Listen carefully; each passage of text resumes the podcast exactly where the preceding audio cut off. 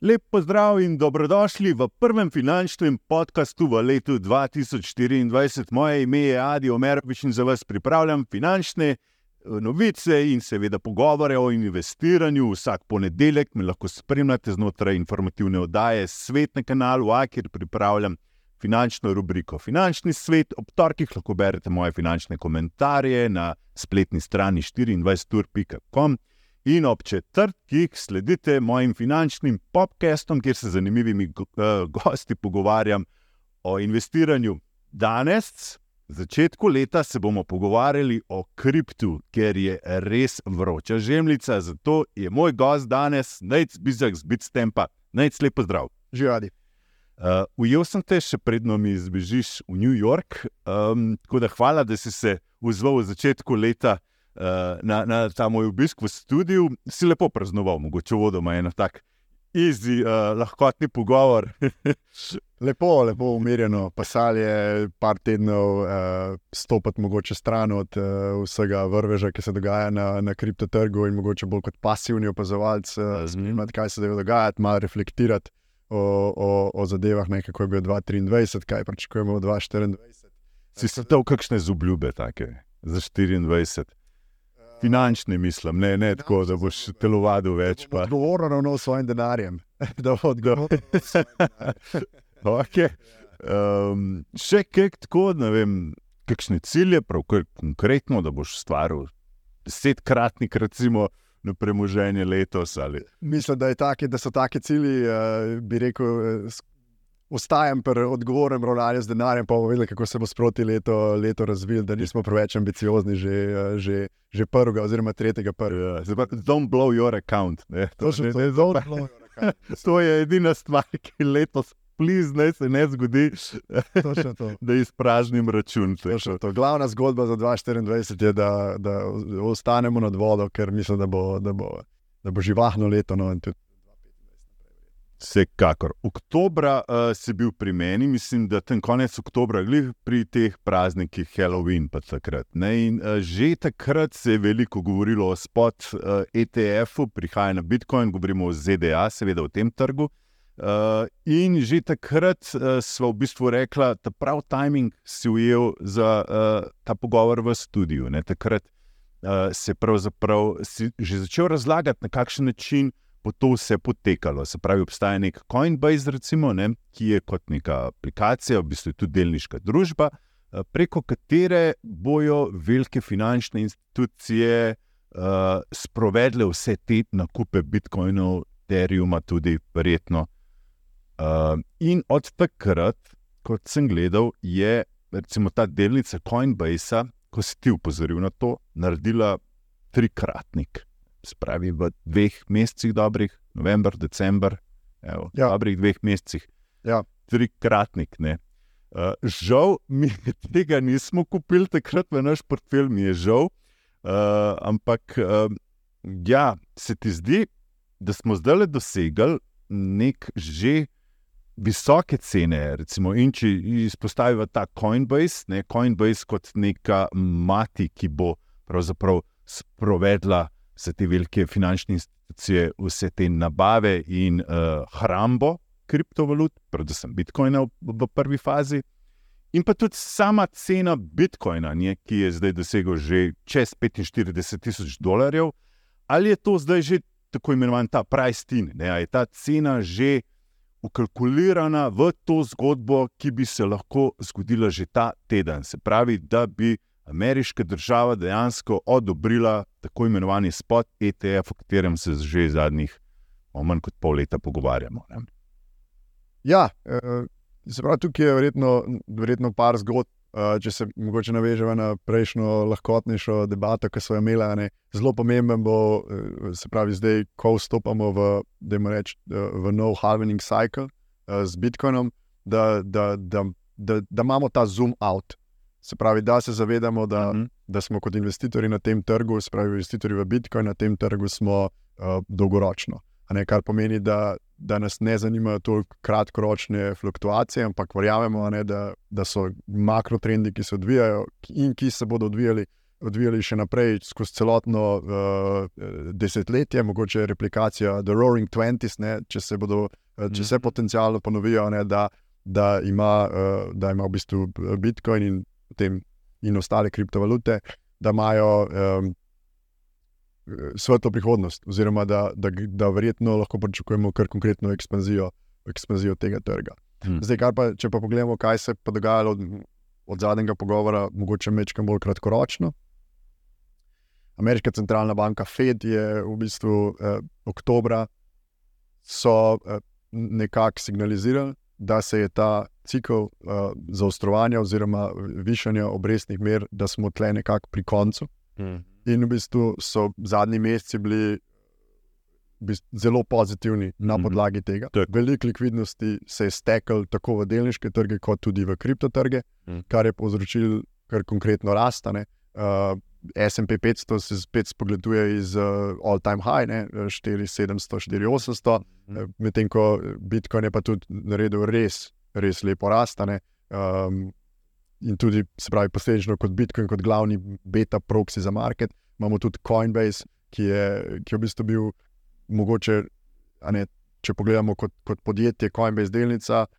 So se spopadali mogoče malo s temi pravnimi tveganji, ali SEC jih, jih je tožil, tam imajo še zmeraj odprto tožbo in mogoče nekaterimi tveganji, ki so bili lastni, lastni temu podjetju. In, ampak zdaj, ko se market odpira, ne, ko se tudi ko, ko ETF prihaja in tako naprej, potem te je v bistvu lahko gledamo Coinbase kot na nek v bistvu leverage bet na, na, na kripto. Leverage bet pomeni, da ima dodatna tveganja, hkrati pa tudi, tudi dodatni ups. Mhm. In kje smo zdaj? Zdaj smo prišli, se pravi, v novo, v, v, v novo leto, in občutek je, da smo, uh, da smo blizu, uh, da smo blizu eh, lokalnemu vrhu.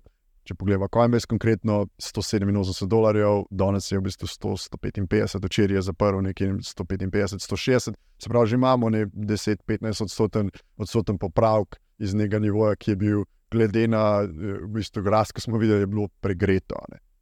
Zdaj, če konkretno pa pogledamo tudi Bitcoin, uh, vsi zdaj pričakujejo ta ETF uh, z, in je pravzaprav zelo crowded trade. To, vsi so pozicionirani, da, bo to, ne, da, bomo šli, da bomo šli više, ampak glede na sam odziv trga, že včeraj, ko je Bitcoin zrastel, pa kako, se vse, kako so se tudi delnice uh, obnašale raznih minerjev, je občutek, da je vse skupaj zaspano, da je vse skupaj pregreto. Ne, in tudi ta likvidnostna zgodba se zdaj uh, bo začela počasi tudi uh, mečkam zaostrovati, ko, ko vstopamo v, v 2024. Je to eno izmed največjih vprašanj tudi, uh, tudi za naprej. Tako da, Mm. govor na kratko, jaz mislim, da smo uh, res lepa rast, lahko da gremo še više, ampak smo pa, vse pa je občutek, je pa že, da, da, je, da je cel trg nekoliko pregret. Se pravi, da, da mogoče bomo za hiter čas mogoče skočili na 50 tisoč, ampak pa lahko pričakujemo tudi vem, spust nazaj. Vem. Oktober, ko sem se pogovarjala, mislim, da je Bitcoin prvič spet dosegel tistih 30 tisoč. ne. Dolgo časa se je valil med 25 in 27 tisoč. V začetku leta je bil pa 16 tisoč, ne. zdaj smo v začetku leta 24 in imamo Bitcoin na 45 tisoč. ne. Se pravi, uh, Misliš, da je na koncu leta lahko doseže vrednost 100 tisoč, ali se lahko stvar res pomiri in spet pade na 30 tisoč? Se pravi, eh, te cenovne napovedi so, so, so, so zmeri neugodne, ker Noben ne ve. Ne? Noben ne ve, pa ne, dajmo reči, temu ne moreš zmagati. Ne, v smislu, da je, ne, če imaš prav, ti noben ne reče hvala, če pa, če pa, če pa narobe, eh, pa vs- vsi zelo hitro izpostavijo to. Eh, Jaz spet tukaj bi rekel, ne, da za vse, ki, um, ne, ko gledamo globalni makro, globalno makro uh, situacijo, kaj se bo dogajalo, kaj so res neki te imperativi, ki se morajo zgoditi, zato da uh, inflacijsko, ameriška fiskalna situacija in tako naprej. To so vsi geopolitične situacije, to so vsi močni uh, vetrovi v, v, v jadra Bitcoinu. In ali mislim, da bomo leto zaključili više, kjer, kjer, kot, kjer smo danes? Ja, definitivno. Mislim, da bomo šli 2025, pa še sigurno više. Um, ali pa obstajajo na tej umestni poti, so pa neke tež, težje odločitve, oziroma neke odločitve, ki jih bodo morali, uh, morali konkretno svet Ameriške centralne banke, jih bo morala sprejeti, ker ne vemo točno, kako se bodo, kako se bodo o- o- odvile. Mhm. Se pravi, če čisto pogledamo, um, ne, uh, odločitev bo morala priti, ali ko začnemo uh, nižati obrestne mere, ali se potencialno spet začne monetarna ekspanzija, se pa quantitative easing. Če se bo to začelo, ne, potem uh, so, so to, ne, gremo v neke višave. Ampak vprašanje, ki se pa, ki se pa tukaj pojavlja, do katere mere bomo pa še vseeno zategovali, ker še nismo čez zmagali te borbe z inflacijo. Mm. Um, do katere mere bomo v bistvu to, ne, ameriška centralna banka še zmeraj zmanjšuje svoj, uh, svoj, svojo bilanco stanja in bo še nadaljevala s tem.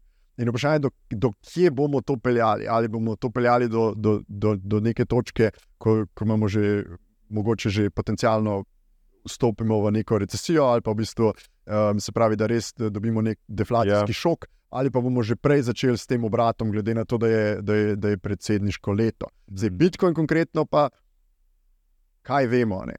ETF bo sigurno zelo pozitiven. Za, za, za sigurno, oziroma jaz mislim, da bo zelo pozitiven uh, za, za, za ce, samo ceno uh, Bitcoina. Vemo tudi, da je veliko vlagateljev trenutno ostalo na stranskem tiru zaradi tega, ker so v bistvu zamudili ta ran iz 30 na 45. Ja. In to pomeni, da. In zdaj se sprašujejo, kaj zdaj. Kako se lahko, lahko pravilno v bistvu pozicioniram. In verjetno, da ta downside risk, kar jaz mislim, da je največja verjetnost, je, da bo Fed barko probal varno pripeljati do decembra, zaradi tega uh, izbolitev in vsega. Ja. Da bodo vse probali zbalansirati, to pomeni, da ne bo teh resnih pretresov ala COVID-2020. Ja, se pravi, te visoke brezposelnosti, take zadeve. In, ja, se pravi, to bodo relativno mirno znavigirati mm. uh, in posledično uh, za sam Bitcoin, ne, pa to pomeni, da ne pričakujemo, da, bo to, da bodo res neke korekcije, recimo pod te tehnične nivoje, recimo 30, 32. Jaz bi že zelo presenečen, recimo tudi če gre pod 38. Zaradi tega, ker je tudi toliko vlagateljev ostalo na stranskem tiru. Mm -hmm. In pravzaprav čakajo na priložnost, ki jo Bitcoin ponovadi da, 10 do 20 odstoten popravek. Nekje tekom ene periode, ne? zdaj smo res rastli in historično spet zgodovina se rima. Uh, in v bistvu pričakujemo, da, sicer, da, da imamo veter v jadra, da še popravek bi še lahko bil, ampak spet zoom out. In mm. mislim, da zaključujemo leto veliko više. Um, jaz bi rekel, da gremo čez all time high. Kaj se lahko zgodi na tradicionalnem trgu vlagateljev, ko bodo začeli te velike finančne institucije kot BlackRock ponujati ETF na Bitcoin uh, vlagateljem, ki prej niso imeli stika s kriptom? Ne? To bojo zdaj začele reklame, ne? pa uh, prej smo rekli na Super Bowlu, verjetno bomo videli reklamo za spot Bitcoin ETF in tako naprej. Ne? Skratka, veliko bo vloženega v to in verjetno bojo pušali. Kako je to tvegana naložba? Vem, se, se to kaj ve, recimo, ko se odpreš za kripto, kako je tvoj portfelj bolj tvegan, oziroma je lahko bolj donosen celo s tem. Ja, uh, kar se bo zdaj v primeru, da bo Bitcoin ETF odobren, uh, bo to pomenilo, da se pravi, imamo, mislim, da jih je, mislim, da jih je osem, pa se da preveriti, koliko je. Se pravi, tisti, ki so se prijavili, da bi imeli svoj, svoj Bitcoin ETF. In teh osem ali koliko koli že je um, ponudnikov ETF-a, bo v naslednjih mesecih uh, šlo v zelo agresivno marketinško kampanjo, da pridobijo čim več kapitala v te, ta svoj ETF. ETF market je po naravi uh, winner takes all, se pravi, uh, zelo koncentriran. Ne. Imamo par ponudnikov, ki dominirajo trg ETF-ov. Uh, pri zlatu je recimo tako. Um, in In to bo verjetno nekaj, kar bomo videli tudi pri, pri Bitcoinu. Nekaj, v naslednjih nekaj mesecih lahko pričakujemo, da bo visoke marketinške investicije. Jaz sem rekel, vsaj dva superbola eda, da bo se pravi, vsaj dva superbola glasa, da boste na, na, temo, na, temo, temo. na temo Bitcoina. Eh, vsi finančni svetovalci bodo ne, ameriškim vlagateljem, ker je, ker je ta povezava vlaganja tudi za svojo, se pravi, za svojo. Um, za pokojnino in tako naprej. To so veliko bolj neposredni mehanizmi, ne ljudje sami vlagajo za to, da se zavedajo, kaj so te njihove investicije, ker naenkrat bodo vsi finančni svetovalci, um, skladi zaprtega tipa, skladi odprtega tipa, bodo imeli možnost, da uložijo um, določen delež svojega premoženja v, v ta ETF. Česar prej, prej ni bilo, ne vem, da imamo v Evropi ETF, ampak to. Te ETF-ji, uh, mogoče tudi te borze, niso skladne z mandatom, ga, ali pa nimajo dovolj likvidnosti, potencialno, uh, da lahko, bom rekel, bolj te, bolj te um, institucije, ki so mogoče bolj, malo bolj riska vrst, se pravi, risk off, mm. da lahko investirajo v, v, v take instrumente. In zdaj bodo to možnost dobile. Hkrati pa bo tukaj ogromnega marketinga okrog tega. Ne? Zaradi tega, ker je, da več 10 milijard uh, revenue, se pravi, prihodkov za razdeliti. Mm -hmm. In vsi bodo zdaj na to nekako, uh, nekako skočili. Tako da, uh, definitivno, um, definitivno zelo aktivno um, dogajanje no, uh, pričakujem, pričakujemo okrog tega. No. Uh, pa je portfelj bolj izpostavljen tveganju. Vem, če imamo 5 odstotkov, recimo, noter. Bitcoin. Vidiš, to sem, to sem pa pozabil, ker, ker sem tako kot govor ti prej povedal. Ne, se pravi, kar se tiče pa, kar se tiče pa tveganja, ne je pa uh, statistično, uh, če se pogleda, če pogledamo tradicionalni portfelj. Delnice, obveznice, pa v zadnjem času, glede na spet, vstopamo v neko relativno inflacijsko okolje, ne se mogoče to malo prilagaja in je mogoče vem, 10, odstotkov, 10 odstotkov, pa noter še surovin, se pravi, commodities, ne pa ne več 55, 35, 10 commodities. Uh mhm. -huh. In če pogledamo ta portfelj, če, uh, in to so ta, to, ta research, obstaja ena firma, ki je v bistvu Galaxy, ki je eden izmed sponzorjev, so seveda to naredili. Uh -huh. um, in, so, in je bilo, ne, so lepo pokazali, da če se tradicionalnemu portfelju doda majhen delež Bitcoina, uh, se vsi parametri portfelja, se pravi, risk adjusted return, sharp ratio, konkretno, uh, da se izboljša. Uh, se pravi, da zraste, se pravi, vaš donos zraste, uh, glede na tveganje, kateremu ste izpostavljeni. -hmm. Spravi, ima zelo pozitivne učinke Bitcoin na nek tradicionalen portfelj.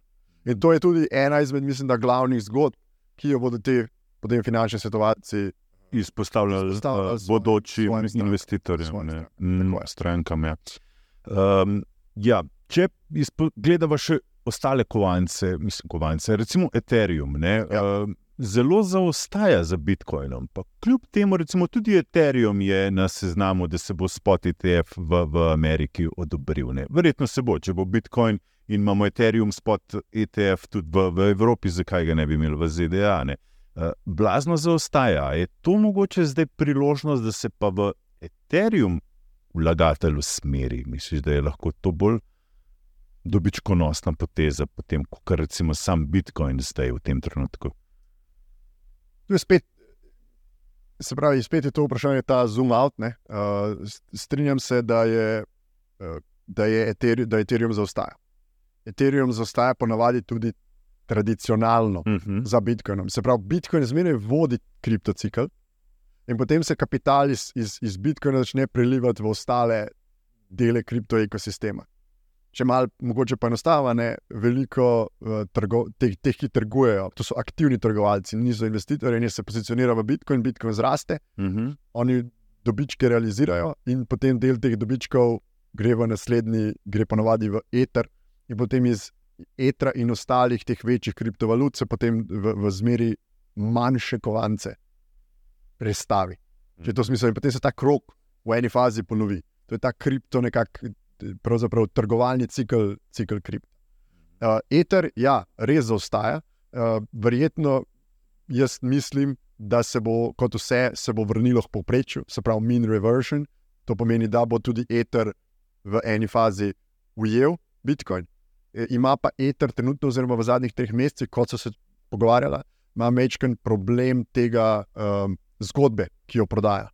Uh, se pravi, kaj je ta narrativ, Eh, medtem ko, ko so se pogovarjali, da je zelo jasen namen in positioning v kriptoekosistemu, v, se pravi, zdaj tudi že v globalnem, uh, rekel, v globalnem portfelju.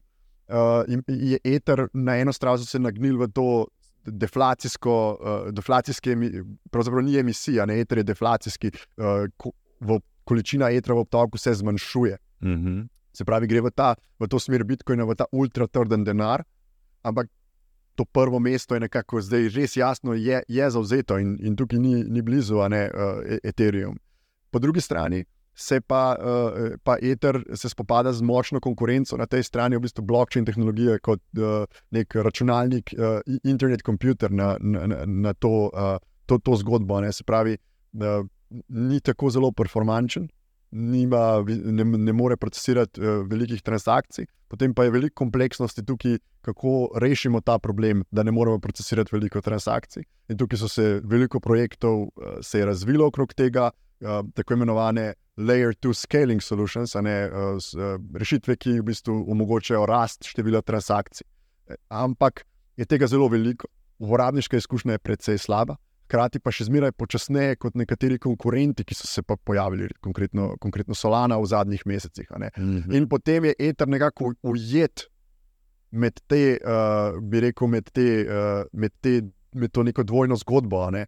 Uh, in, in zato je mogoče tudi večkrat zostaje, so ostale, ostale te uh, infrastrukturne rešitve, visoko performančni uh, blokčini oziroma te tehnologije, verižne blokove, so dobile več pozornosti strani trga.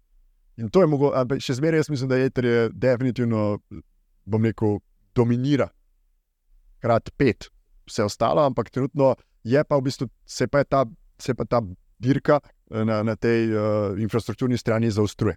Uh mhm. -huh. Kaj pa recimo uh, Solana, ki si jo izpostavil? Avalanche. Uh, videli smo, oni so pravzaprav največji zmagovalci tega trenutnega kriptobolorana, ki se je par mesecev nazaj začel. Pravzaprav ni nobenega spot ETF-a, ne na Solano, ne na Avalanche, ampak to so uh, kriptovalute, ki so naredile skoraj desetkratnik v zadnjih nekaj mesecih. Ne. Ja, res je. In se mi zdi, ravno posledica tega je, uh, en del je sigurno ta uporabniška izkušnja ne, ko greste na eter uh, in, in poskusite kot nek, uh, bom rekel, laik, nek osnovni uporabnik, upravljati neke transakcije, uh, neko interakcijo z blokčainom. Je ta uporabniška izkušnja na, na, na glavnem čainu, se pravi na, na, na eter blokčainu, precej počasna, zelo draga. Zelo, ja. uh, in se pravi, plačujemo fije 10 dolarjev za eno transakcijo. Uh, 5 do 10, če se, uh, če se ta network, uh, se pravi, da se, um, kot rečemo, ne, se pravi, da je gneča, uh, potem congestion. Ja, uh, ja. Potem to lahko gre tudi na 100 dolarjev in, več. Transakcijo, ja. preprosto. Ja. In to, je, drago, ja. to pomeni, taka zadeva je primerna za nek business to business. Ni pa, ni pa, ni pa primerna za uh, consumer to consumer, oziroma te consumer aplikacije. Mm. In hkrati imamo pa res to kompleksnost, ker imamo zdaj teh layer 2 scaling solutionov, vsaj pet se jih da našteti takoj, prihaja jih pa sigurno še pet dodatnih. In potem, kako jaz spravim svoje sredstva iz Ethereuma na. Na neko, se pravi, na nek ta uh, layer 2, oziroma to, to rešitev, kjer so transakcije cenejše in vse hitrejše, kako potem prehajam med vsemi temi, to je zelo kompleksno. Medtem ko recimo neka solana, uh, zelo preprosta filozofija. Delamo samo to, kar v bistvu network naredi hitrejši. Uh, in, in se osredotočamo izkuš, izključno na uporabniško izkušnjo, da bomo omogočili visoko te performančne aplikacije in v bistvu na, na hitrost, koliko transakcij na sekundo lahko sprocesiramo. In tudi sama uporabniška izkušnja je veliko boljša. Solana je imela, eh, so naznanili na tej njihovi konferenci, recimo, so oznanili ta partnership z Vizo. Viza bo uporabljala uh, eh, USDC, se pravi stablecoin uh, na Solana blockchainu za settlement uh, iz, iz svojim uh, omrežjem uh, trgovcev. Ne, se pravi, izognili se bodo vsem tem oviram, ki jih imajo danes, ne, da imaš ti plus, se pravi, danes plus tri dni ta settlement, pa prazniki, pa vikendi bodo, bodo uporabljali ta blockchain, ki je 24-7 in bodo omogočili v bistvu instantni settlement. Ker vemo, da v biznisu kreditnih kartic je ta prefunding oziroma ta delay med ne, payment in settlement predstavlja precejšen izziv in visoko performančni blockchain predstavlja dobro rešitev za to. Nis, nizki stroški, eh, veliko transakcij. Deva si vzeti minutko, Pa sam probati razložiti ljudem, mogoče sam ta uh, layer 1, layer 2, mogoče za tiste, ki, ki so se malo izgubili zdaj v tej debati. Ja. Pravi, ja. Če imaš nek Ethereum, ki smo rekli, je lahko zelo drag, da pošiljava je step ti men, nekako ja. po 100 evrov je tudi ta uh, guest fee, ne, uh, ta strošek pošiljanja. Če greva pa recimo na uh, uh, uh, uh, Matic, ne. Uh, ja tle je layer 2 od Ethereuma. To, in je že za par centov, ki jaz lahko pošiljam na istem tem uh, tej mreži, networku RC20, recimo, ki ga ima Ethereum. Ne? Drži. Prav razlagam. Ne? Drži. Uh, recimo, kaj pa Solana? Ma Solana tudi svoj layer 2, a ga sploh potrebuje, glede na to, da je Solana nekaj tisočkrat hitrejša od Ethereuma oziroma od Bitcoina. Ne?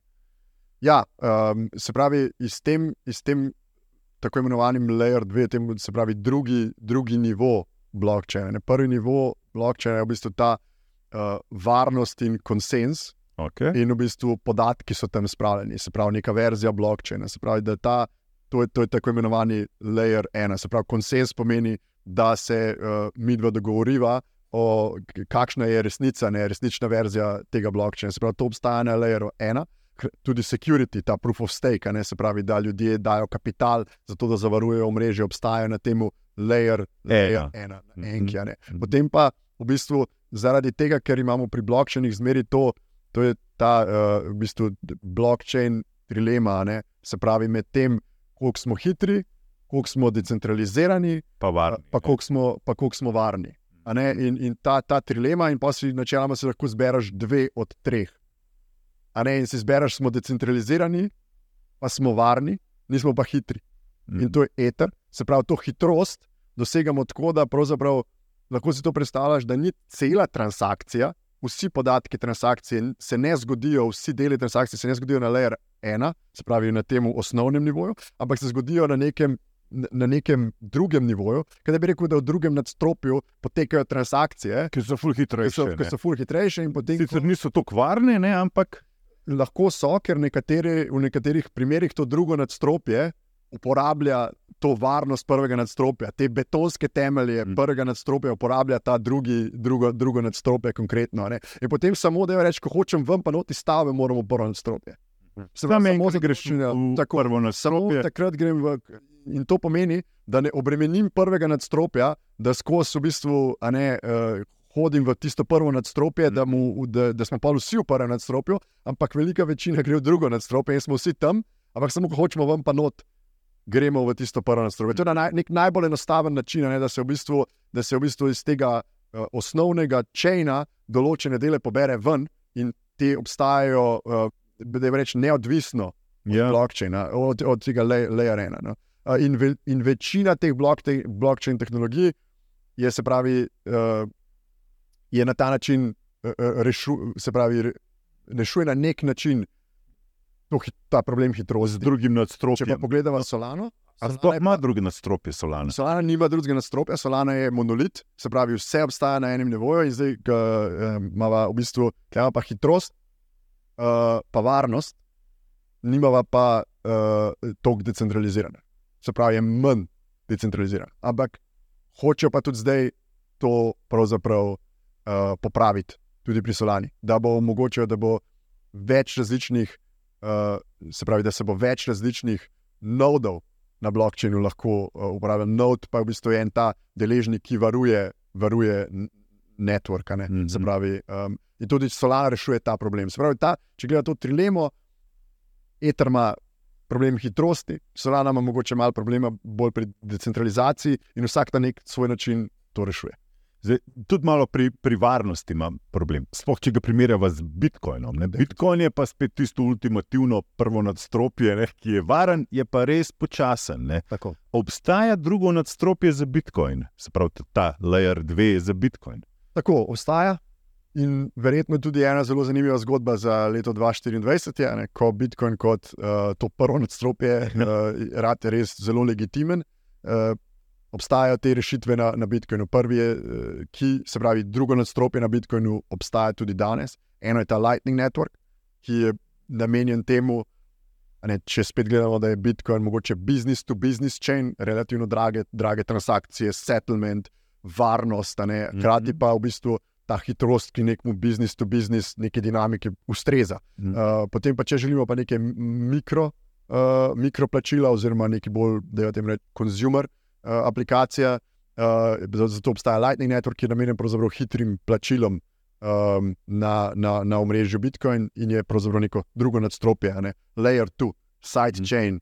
Um, in tam se tudi veliko developmenta, uh, spet uh, informacije, ki o tem prihajajo, da je ta Lightning Network sicer precej kompleksen uh, za, za graditi na njemu, da je precej kompleksen, nerazvit, kompleksen, ampak da uh, je pa veliko ekip, zelo, zelo dobrih ekip, ki na tem gradijo in probajo zgraditi. Ena izmed, uh, ena izmed njih je recimo Lightspark. Uh, to so bivši, bivša ekipa iz PayPala, uh, gradi v bistvu uh, gradi tako infrastrukturo za plačila, uh, in tudi za uh, prenos vrednosti na kakršen koli način, se pravi, Forex, uh, tudi uh, mislim, da bodo omogočili delnice in tako naprej, se pravi, trgovanje z real world asseti. Uh, in v glavnem je zelo živ ekosistem. In prav na podlagi te legitimizacije bi se zato ta ekosistem od 2014 lahko še veliko bolj razvil. Obstaja tudi en projekt, ki se mu reče uh, STX oziroma STX. AX, uh, ja. uh, e, mislim, da je STX je CTX. CTX ja. uh -huh. um, okay. In tu, je tudi ena verzija tega drugega nadstropja na Bitcoinu, ki pa v bistvu omogoča tudi DeFi primitives, ne? se pravi, da bi se lahko razvil tudi um, decentralizirane finance. finance. Ja, ja. Tako da, definitivno ena zanimiva zgodba, ki, ki se jo splača, splača spremljati. Še da je vse naprej, decentralizirane finance, ne? da, da se ne ustrašiva, ni nič tok spet uh, science fiction, ampak omogoča pa ti, da pravzaprav uh, svoje kovance nekako naložiš nekam in zato tudi dobivaš nek denar. Ne? V bistvu kot v banki, ko, ko pustimo denar noter in se z banko zmenimo, da nam nek odstotek da, zato ker mi tam vrčujemo. Ne? Enako lahko storiš uh, s svojimi kriptokovanci, ne? se pravi, nek nekam naložiš in od tega dobivaš denar. To je del DeFi-ja tudi. Ja, se pravi, že v samem imenu, ne, decentralizirano, to pomeni, da ne obstaja neka centralna entiteta, ki z vašim denarjem upravlja, oziroma ne zaupate svojega denarja centralni, ne. tako, ampak ga načeloma zaupate v neko pametno pogodbo, smart contract, ki je napisana po določenih, deluje po določenih pravilih, po, po pravilih kode, ne, eh, in eh, z vašim denarjem ga, ga lahko, se pravi, namensko opravljate, opravljate vse finančne storitve, pa še nekatere druge finančne storitve. Se pravi, vse finančne storitve, ki, ki jih lahko opravljate na banki, lahko opravljate tudi v eh, tem decentraliziranem svetu. Mm -hmm. So pa precej bolj učinkovite, ne obstaja noben. noben um, centralni umestnik, ne, uh, ki, ki ne, neko maržo tukaj, tukaj jemlje. Oziroma, če jemlje, je ta marža precej manjša, to so neki protokoli, ki obstajajo, oziroma podjetja, lahko rečemo na najbolj enostaven način, ki obstajajo na teh blokčenih, recimo na Solani, imate ta ekosistem decentraliziranih financ, kjer se lahko tja lahko trgujete med različnimi, uh, različnimi kriptovalutami, tako kot lahko to počnete na Bitstampu ali pa na Coinbase ali pa kjerkoli drugje lahko svoj denar posodite, zato dobite nek donos, ki se uravnava na podlagi ponudbe in popraševanja, lahko si tudi sredstva izposodite. Uh, ta sredstva si izposodite, za razliko od fractional reserve banking, ne, ker posojamo nekaj, česar načeloma nimamo, oziroma za vsakih 10 dolarjev kapitala posodimo vem, uh, 100 uh, posojil, ne, uh, je trenutno v, v, v kriptu. Uh, še vse v bistvu over-collateralized. To pomeni, da dejansko obstaja več Eh, zavarovanja za, um, za, za kredit. Če, če izpostavimo, če si hočete 80 tisoč izposoditi, morate 100 tisoč položiti. Uh, Zaradi tega, ker še nis, uh, v bistvu na, na kriptu še nismo uspeli rešiti problema, kaj narediti, ko je neki under collateral. Jaz mislim, da, neki, da so se v bistvu največji zlomi zgodili takrat, ko je. Ker so bili razni algoritmični kovanci, ki so bili delno kolateralizirani, Uh, mm -hmm. in tako naprej. Pa glavno, lej, na, na kratko je to vse storitve, ki obstajajo v tradicionalnih financah, načeloma lahko upravljate tudi v, v decentraliziranem svetu. Je pa seveda veliko bolj tvegan uh, kot, kot neko, neko centralno. Uh, centralno se, se tisti fiji, o katerih so pregovorili, ne, ko, ko uh, delajo neke transakcije in se tisti fiji nabirajo, se tudi od teh fijev uh, nameni za recimo nekoga, ki uh, um, položi denar, oziroma denar, pač kriptokovanec iz tega, iz tega dobiva tiste procente, ne, iz DeFi-ja, decentraliziranih financ. Ne. Včasih ja, včasih ne, mehanizmi so različni. Se pravi, lahko imaš, lahko pomeni, da del, uh, uh, del trading fijev, ki jih poberemo, uh, da s temi trading fijev uh, zmanjšujemo količino kovancev v obtoku, kar ima neposreden, posreden vpliv na rast vrednosti kovanca, ki ga, ki ga nekdo drži. Ne? Se pravi, če zmanjšujemo količino kovanca v obtoku skozi uh, s tem, da preko, preko tistih fijo, ne, to pomeni, da dejansko, uh, če ostane. Reč, ponudba se zmanjšuje, popraševanje ostane enako, to pomeni, da bi morali uh, moral vrednost, vrednost rasti. Pravi so taki mehanizmi, uh, ki, ki se uporabljajo uh -huh. uh, pri, pri DeFi. Okay, imamo še na tisoč in tisoče nekih projektov, zanimivih. Eni so bolj znani kot Cardano, Ripple, o tem se je tudi veliko govorilo, pa niso nekih večjih premikov naredili. Ne? Um, po drugi strani imamo tudi um, neke gaming coine in tako, ki so pa spet uh, lepo se zbudili, ne? spet so začeli naraščati, kar je značilno za nek tak uh, cikl bikovski. In je uh, vprašanje, kako najti nek projekt, ki bi imel potencial na res 100x. Iskati neke alternative, vem, da je vprašanje za milijon dolarjev, to, ampak uh, iskati neke manj znane um, projekte, kot je ta Stax, recimo, ne vem, da, da je nek dobro vrednost, ali mogoče iskati neke čisto alternativne, bolj gaming coine, kaj drugega, recimo izpostavljala sva prej tudi NS, ne, ne vem, to je bilo kot en tak. Uh, Ki bi dal neko domeno za vse te kriptonaslove. Podobno kot smo imeli nekoga, ki je dajal domene v, v začetku interneta, ne? pa če si kupil uh, sex.com uh, domeno, ne? si verjetno to lahko za par milijonov prodal. Uh, isto se zdaj dogaja uh, na malo različen način. Ne? In obstaja projekt NS, recimo, ki pa skrbi za te domene v kriptosvetu. Je kaj tasga, ne vem, kakšen tak projekt v kriptu, ki ti vidiš, da bo uh, breakthrough v letošnjem letu, da, da bo. Jaz mislim, da če iščete stojk, mislim, da ga ne boste našli. To je najkrajši odgovor. Oziroma, če ga iščete, si predstavljate to kot kjer greste na loterijo Slovenije, pa uplačate, uplačate srečko. Uh, in, oziroma, da karkoli igrate loto, ne vem, kako to gre. Uh, ker v bistvu načeloma projekti zmeri bojo. So praktično tedensko se v, v, v kriptu pojavljajo, ampak jih je izjemno težko najti v, v pravem trenutku. Um, zato jaz veliko bolj, jaz mislim, da nekaj stokratni donosi, da to so nerealna pričakovanja. Mislim, da je, da je res treba gledati to bolj kot jaz zmeri priporočam, pač zoom out. Cel sektor, cel space bo na podlagi makroslike, povečevanja globalne likvidnosti, naredil res lep donos. Res lep donos, ne vem, trikratnik vrednosti, petkratnik vrednosti. Vse, kar je nad tem, se lahko, jaz mislim, da se lahko smatrate kot resnega eksperta, ali pa nekoga, ki je imel zelo veliko srečo. Uh, seveda obstajajo parametri, kako določene stvari iskati in kako se ta kriptocikl odvija. Mm -hmm. um, in se lahko ne, neke smernice, se sigurno lahko pogledam. Kaj, kaj, kaj so tiste zgodbe v kriptu? Je ogromno stvari, ki so zgodba, ki je narativ. Mm. Uh, pravi, kaj so tiste glavne stvari, o katerih se govori. In verjetno, sigurno, gaming, ena stvar, o kateri se govori gaming na visoko-performančnih blokčenih, ali Avalanche, ali Solana in tako naprej, uh, in ostali, sigurno ena zgodba. Uh, na infrastrukturni strani, ne, kaj vidimo, da bi lahko postalo, uh, da moramo reči, naslednja Solana.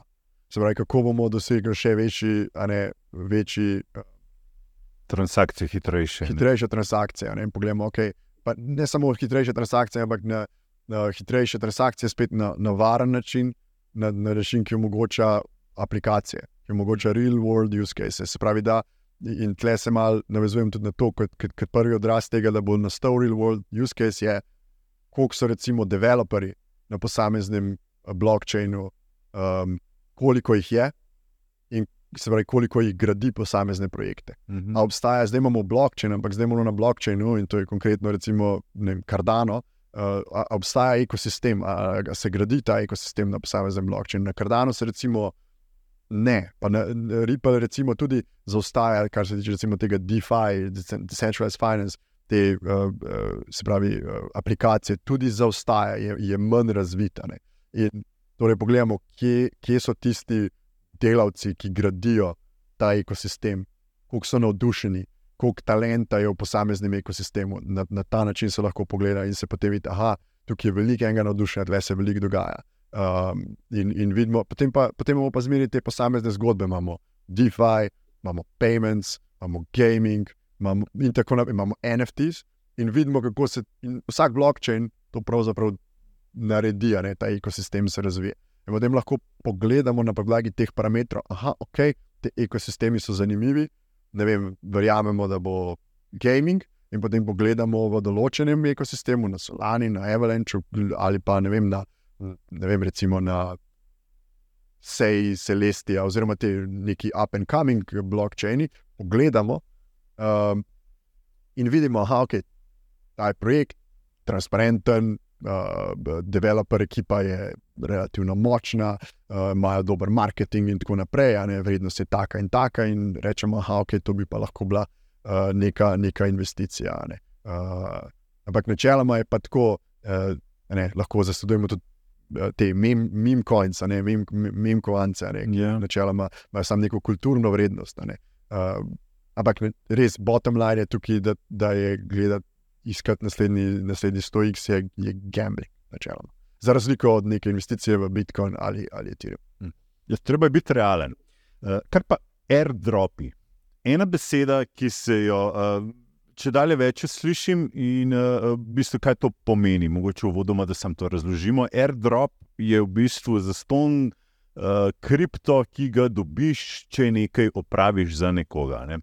In zdaj različni ti projekti ponujajo airdrope, se pravi, da ti dobiš. Da nekaj narediš, se pravi, uh, da imaš nek kripto, da narediš neko transakcijo s tem kriptom, da nekaj s tem narediš, mogoče celo da objaviš malo na Twitterju, malo na Discordu, malo uh, ne vem, nekoga potegaš, ti malo reklame za nekoga narediš, in potem ti oni, če si med srečneži, za ston nakažejo uh, par teh kovancev, nekih, ne, ki jih potem ti, seveda, pet lahko na menjalnici uh, spremeniš v fiat. Denar v evre ne, in si nakažeš na račun. Se pravi, za ston denar dejansko obstaja. Si imel kdaj izkušnje s tem, si uh, dobil kakšen airdrop za ston denar?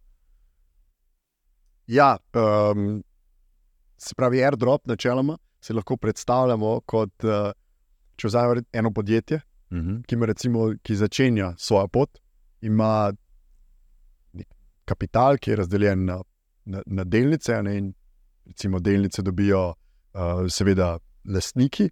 Uh, hkrati mogoče nagradimo zaposlene z neko udeležbo ne, v, v, v kapitalu, kar je zelo smiselno in normalna poslovna praksa. Potem pa potem pa tudi tiste, ki recimo prvi kupijo naš proizvod, ali pa prvi uporabljajo našo storitev na različne načine, ali pa um, se udeležujejo vem, naših uh, prvih srečanj, oziroma za nas nek marketing, recimo, naredijo. Ne? Te ljudi potem tudi, recimo, da, reč, da naredimo novo izdajo delnic in potem nagradimo te prve kupce s kapitalom, načeloma s tem, da zdaj vzamemo stran sam besedo delnica in to nadomestimo z v bistvu kripto, kripto, kripto kovancem. To pomeni, da pravzaprav da kripto projekti oziroma kripto podjetja pravzaprav v zameno za zgodnjo udeležbo v, v samem produktu oziroma interakcijo s produktom in uporabo tega produkta nagradijo te uporabnike. To je pa pomembno, se pravi, to je nek tak win-win, nova oblika, da imamo spet informacije kapitala, ki se pač dogaja v kripto, ne kot neko podjetje v zgodni fazi. Uh, imaš, uh, se pravi, cikl inovacije v blockchainu je zelo, zelo, zelo hiter. In podjetja v bistvu uporabljajo, oziroma projekti uporabljajo vse možne uh, načine, da pravzaprav uh, najdejo svoje mesto v tem svetu, ki, je, ki se tako hitro pač premika. Mm -hmm. In pravzaprav na ta način zberajo kapital, uh, zrastejo vsi KPI, vsi parametri uh, na, na samem networku, dobijo feedback strani userjev. V bistvu zgradijo si svoj komunity. Komunity uh, uporabnikov in te, ta, to skupnost oni potem nagradijo, ko ta kovanc izdajo. Dobiš v svojo denarnico, dobiš, uh, uh, dobiš neko količino kovancov. Ta količina kovancov je ponovadi odvisna od uh, nivoja tvoje udeležbe. Uh, oziroma, uporabe tega produkta. Kako si bil aktiven? Kako si bil aktiven. In, mm -hmm. in te aktivnosti so pa ponovadi različne, recimo, konkretno lahko rečemo za, um, za da je vzeti um, neko, neko to uh, platformo za uh, menjavo in posojanje in izposojanje, recimo na Solani. Spravi, ti uh, moraš narediti pravzaprav um, transakcijo, se pravi, tako imenovani swap, da izmenjaš esete. Mm. Uh, to se šteje kot nekaj, kar te kvalificira za ta airdrop. Uh, potem pa hkrati uh, za vsak dolar, ki ga posodiš, dobiš točke, za vsak dolar, ki si ga izposodiš, tudi dobiš točke, in potem na podlagi tega se potem v nekem trenutku, tako imenovani cut-off date, na določen datum se pogleda, aha, kateri uporabniki so mi v tej zgodni fazi podpirali, no, takrat pa takrat boste dobili določeno količino, količino kovanca. Zdaj, to pomeni, da moraš ti tudi pustiti svoj naslov denarnice nekje, nekomu. Ne? Predvidevam, da se dogajajo tudi zlorabe, ne? ker nekateri ljudje kar dajo svoj bolet, ne? tako imenovano digitalno denarnico. In potem lahko nekdo tudi skeka mu noter ne? in pobere vse tiste z njegove denarnice, kar je on noter že hranil. Tako, to so zelo lahko riskantne zadeve, ne? če ne poznaš. Zelo, zelo riskantna zadeva. Treba biti izjemno, izjemno previden pri interakciji s katero koli blokčen aplikacijo. Videli smo neskončno primerov, ker so ljudje izgubili velike vsote denarja, velike, velike, ne, šest mestne številke in, in več, šest, sedem, uh, ker so jim v bistvu, uh, se pravi, da, da so podpisovali transakcije, ki so bile zelo namerne. Oziroma, podpisovali in, in naredili so interakcijo z, z, z zelo namerno uh, aplikacijo, mm.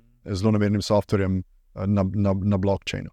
In ogromno obstaja hrupa, noiza uh, in nekaj, nekih poskusov prevara. Torej, res zelo previden. Spravi, ko uh, načeloma najbolj, najbolj, kar pravzaprav bi priporočil, je, da za vso interakcijo z blokčin aplikacijami, da imajo uporabniki uh, eno denarnico in potem, če ne držijo svojih kriptosredstev central, na centralizirani borzi, kjer so zavarovanja in je to čist drugačen, uh, drugačen svet. Uh -huh. um, bi priporočil, da se pravi, da imajo eno, da imajo svoje preženje v eni decentralizirani denarnici, potem pa eno denarnico, ki je v bistvu warm oziroma hot wallet, se pravi vroča denarnica, ki potem jo dejansko povezujejo uh, na sam blockchain in ima interakcijo s temi uh, decentraliziranimi aplikacijami, v njej pa držijo bistveno manj sredstev. To je zelo pametno. Ja? Mm. ja, kar pomeni, da ta,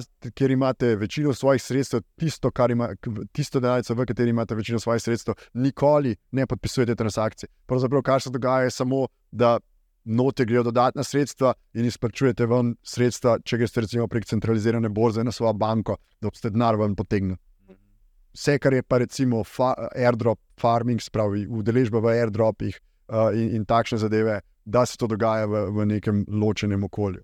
Če pa že morate imeti samo eno, pa res priporočam, da imate določene vire, ki uh, se pravi, zmeraj samo na uradno spletno stran. Ko najdete uradno spletno stran, uradno spletno stran najdete prek uradnih X-akauntov, uradnih spletnih strani. Bodite pozorni, kako so spletne strani zapisane, da imajo te pravo, a ne uh, Eh, se pravi, da imajo ne vem, da .com pa .io, da se pogleda, da je res ta prava, uh, pravi zaključek, da ni kakšen napačno črkovanje, ker se to dogaja, ko se prevara dogaja. Potem, da nimate, recimo, preverite to z druge strani na X-računu, oziroma na Twitter-računu, uradnem, ki ima zlat ta checkmark, nima modrega, ima zlatega. Načeloma tudi veliko followerjev, da veste, da imate opravke z uradno eh, stranjo projekta, uradnimi viri projekta in se samo tam povezujte. Bodite pozorni en tisti čas, dvakrat preberite, trikrat preberite, uh, da, da, da boste zihar. Ja. Um, načeloma vse, že tako, ne neki deliti po Twitterju, pa tako naprej. Ne, da, da, res je vprašanje, treba je pozoren, kaj aplikacija pravzaprav pričakuje od tebe, kakršno koli pošiljanje sredstev ali pa take zadeve. To je, je, je off-limits. Imamo tudi določene dobre vire, recimo pogovarjali smo se ta informacijska platforma Bankless, ima nekaj, čemu se reče airdrop hunter oziroma lovec na, na airdrope um, in je v bistvu um, legitimna platforma, ki pravzaprav opisuje, kako lahko do teh airdropov dostopate. Ampak jaz bi res priporočil izjemno previdnost uh, pri, pri tem in trikrat preveriti, da, da, da imate interakcijo z, z uradno. Pa, pa v bistvu res te nič ne stane, da si narediš še en digitalni volek. Mislim, da se zastone. Vem, če, če si odpreš ta digitalni volek, je to pravzaprav brezplačno. Ja. In res ločiš od tam, kjer uh, hraniš uh, svoje, svo, svoje premoženje. Da, da imaš res enega čist posebnega praznega za te airdrope. Tudi, če ti ga nekdo zheka, noter pride, da, da ti ne pobere tisto, kar imaš. Ja, ta previdnost je zelo, zelo na mestu. Kaj pa recimo še dodatno? Videli smo, da Solana uh, ponuja že telefon, ne, da, ki nekako deluje na blokčinu, in istočasno v bistvu že sodeluješ pri tem, da dobivaš te airdrope ne, za ston, ko kupiš telefon. Vem, je, je že to nekako neka prihodnost, ki nakazuje, da v prihodnosti, ko boš kupil nov telefon. Uh, ki bo morda kriptotelefon, ti bo ustvarjal denar, ne? da bo že s tem služil s svojim telefonom, da bo neko orodje, ki ti bo dnevno prinašalo kakšen evro. Ja, res zanimiv koncept. Na, na ta solan, solanin telefon jaz gledam kot na nek zelo dober distribucijski mehanizem, uh, kjer, kjer je pravzaprav ta win-win situacija za uporabnika mm -hmm. in za produkte oziroma projekte, ki, ki na Solani uh, delujejo. Zdaj teh telefonov zaenkrat je res samo 30 tisoč, bili so, bili so razprodani, razprodani, razgrabljeni, a ne Solana zdaj razmišlja, kako bomo.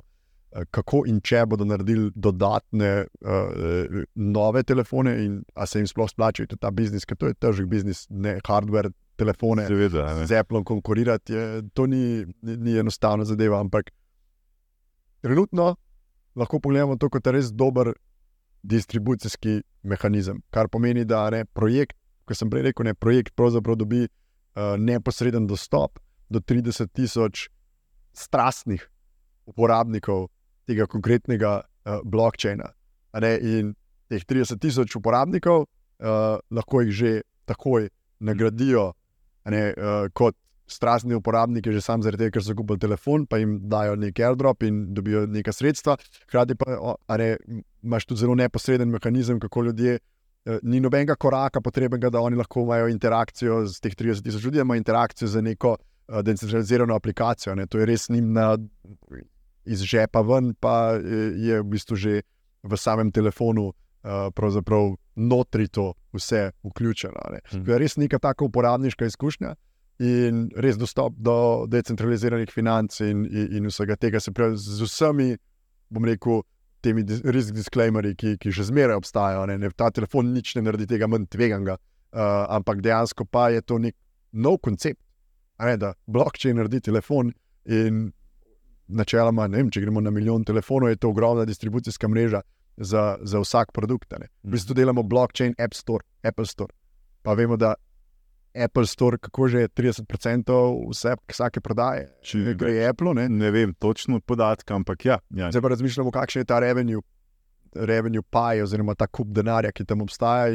Če to recimo zmanjšamo na pol ali pa na eno desetino uh, in malo drugače razporedimo med, med deležnike, uh, koliko je v bistvu tukaj prostora za neko disrupcijo uh, ne, tega, uh, bom rekel, mhm. tudi, tudi samih teh monopolov praktično uh, ki jih imajo neki proizvajalci telefonov. Pa, pa misliš, da ti veliki proizvajalci, playerji, kot je Apple, pa tako razmišljajo tudi v tem segmentu, da bojo naslednji iPhone mogoče delovali prav na blockchainu in da bojo ta nek kripto uh, community naredili prek telefonov in da boš dobival. Neke airdrope od Apple, ne, ne mogoče Apple kripto, da, da vse, ki govori o tem, vse ali mi čisto vse, imajo pač svojo tradicionalno špuro in Jaz mislim, jim, jaz mislim, da jim ni vse en, mislim pa, da so to spet, da so to taki monopoli, da so to take ne, gore denarja, ki so ustvarjene v bistvu za zaščito ne, tega, um, kako bi temu rekel, tega IP-ja oziroma tega know-howa in, in tega ekosistema, ki so ga oni razvili. ki je zaprt. In Apple je znan po tem, da noben ga ne spusti nikamor zraven. In mislim, da blockchain je v bistvu tudi stoji v totalnem nasprotju tega, kar si podjetja kot je recimo Apple prizadevajo. Mm. Uh, tako da mislim, da tega načeloma, ko ne, mislim, da bi prej videl nek zaprt blockchain, zaprtega tipa, ki bi ga mogoče Apple lahko uporabil kot vem, zviševanje učinkovitosti svojih operacij ali karkoli. Ali pa nek lojalty, uh, uh, neko tako schemo, ki bi jo lahko, bi lahko naredili. Ampak načeloma, da je reč, reč, ko um, bil bi zelo presenečen. Mm. Zelo presenečen. Če bi se kaj takega zgodilo, zdaj, to so, ne, res, to so podjetja, z, z, z, ki so prek te svoje, uh, bom rekel, uh, konstantne, nenehne izboljšave svoje uporabniške izkušnje in povezave svojega ekosistema priš, prišla tja, mm. kjer so. Ne. In da bi zdaj to odprla in pustila še nekim deležnikom, da pride zraven. Mislim, mm. Zanimivo tudi iz tega vidika. Ne, če če smo začeli zelo optimistično ne, in zelo bolj žbikovsko naravnano ta pogovor, da je ga zaključiti mogoče z, z um, Jamie Diamondom. Ne, se pravi, prvi mož uh, največje banke na svetu, JP Morgan.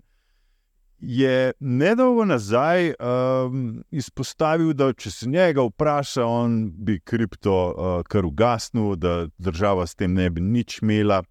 Um, Vse si slišal, verjetno, ja, ja. to je že zjavo, da ja. so ti odmevali. Kako pa ti gledaš na, na, na takega? Se ti zdi to tudi lahko eh, zelo beriš nek medvedji signal, da bi se lahko v drugo smer zapeljala stvar? Um, jaz mislim, da ameriška regulacija na splošno je, ostaja glavni risk faktor za, za, za 2024. Uh, zdaj, Jamie, ne? Jamie je, Jamie je pa res res faca. On pa, on pa je res faca. V bistvu tako ne. Ne sta pa dve, dve, dve, dve, dve strani te zgodbe. Po eni strani je on v bistvu, eh, tle, on je v bistvu blizu tej. Um, on je to izjavil na zaslišanju v senatu, ki ga v bistvu takrat mislim, da ga je vodila Elizabeth Warren. Ona, ona je pravzaprav ena izmed glavnih nasprotnic kripta. Ampak ona je v bistvu ena izmed najbolj vplivnih senatork, kar se tiče ameriške finančne politike. Se pravi, ona ima, um, pa ne zaradi tega, ker je bila tako uspešna v, v, v, kot zakonodajalka, da bi ful zakonov, ampak zaradi, se pravi, da bi ful zakonov uspela um, uh, spraviti v veljavo, ampak zaradi tega, ker so njeni, v bistvu njeni sodelavci uh, na vseh visokih položajih, vseh pomembnih ameriških, teh uh, finančnih uh, agencij in, in, in uradov. In to je bil takrat nek tak trade-off, ne, ki je Elizabeth Warren se je demokratom pridružila v predsedniški tekmi, um, takrat ne, se je podprla Joe Bidena, relativno hitro.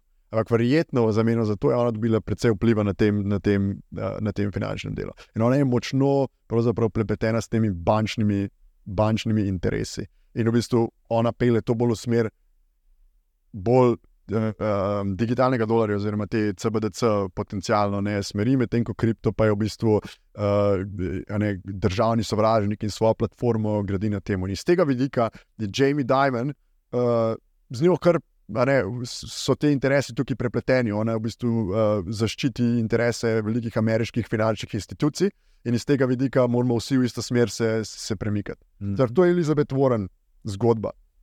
Na drugi strani je pa Jamie Dimon v senatu in pa reče, da bi to kar ukinil. Ampak na drugi strani je pa JP Morgan, je, um, je eden izmed dveh authorized participantov.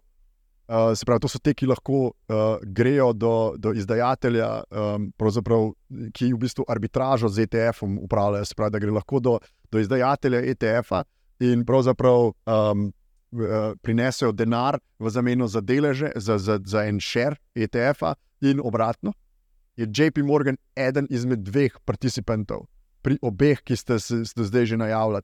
Zbrav, JP Morgan dejansko bo eden izmed teh, ki bodo to, da je rečem, najbolj enostavnem uh, pomenu besede, tradil. JP Morgan pa Jane Street na enem, pa JP Morgan pa Virtu, to je spet en tak trader, sta pa na drugem. Sprav, JP Morgan je zelo globoko noter v tej ETF zgodbi, oni to tradejo, jaz sem pripričan, da imajo svojo uh, operacijo, svoj hedge fund, ki to laufa, um, se pravi, da, da tradejo kripto, da imajo lastne investicije, ampak ne, eno je front, eno pa kar se pa polmečkin spodaj dogaja. Tako da Jamie Dimond sedi na dveh stolčkih. Zanimivo je, da si upa toliko javno potem izpostaviti kot negativno do, do, do, do kripta. Ampak to, so, to, so, to je zelo, zelo je zanimivo, da se to še zdaj dogaja, jaz bi rekel. Uh, ampak vsi so bili zelo podobni. Poglejmo, Larry Fink od BlackRocka je tudi ne, 2017, ni hotel nič imeti s tem 2018, pa vsako leto ga imaš, ko gre na, na TV. In pa zdaj zadnja je bila res ta, ne, da Bitcoin pa predstavlja alternativo, zato ker on ima ta vested interest, ne, zdaj s tem ETF-om, ne, gremo zdaj po teh 10 milijard revenue in bomo ta land grab uh, probali probal čim bolj uspešno narediti. Mm. Medtem ko Jamie pa v bistvu ETF-a nima, uh, ima pa to neko, ima nek pa v bistvu trading operation, ki bo, bo tega uh, verjetno zelo, zelo dobro zaslužil.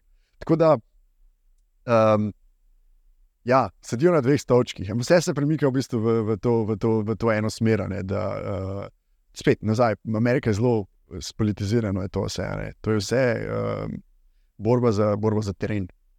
Zanimivo leto nas čaka, vsekakor. Uh, eh, Najc, hvala lepa, ker si se odzval tem vabilu za našo prvo uh, oddajo v letošnjem letu. Uh, upam, da te bom lahko letos še kdaj gostil, um, da boš spet prišel v Slovenijo in se bomo lahko spet malo pogovarjali o aktualnih zadevah, in do takrat se bo zagotovo marsikaj še zgodilo. Uh, želim ti v bistvu uspešno leto. No? Da, um... Hvala lepa, hvala za to vabilo, z veseljem, uh, z veseljem pridem na obisk. Hvala lepa, Nec. Tako, dragi uh, gledalci, poslušalci, uh, spremljajte nas še naprej, vsak četrtek, finančni podcast v ponedeljkih, v informativni vdaji in ob torkih na spletni strani 24.com. Hvala lepa za vaš čas, uspešen teden še naprej in vsekakor vodite z nami. Lepo zdrav. Hu, hu, tič, pushing, banging,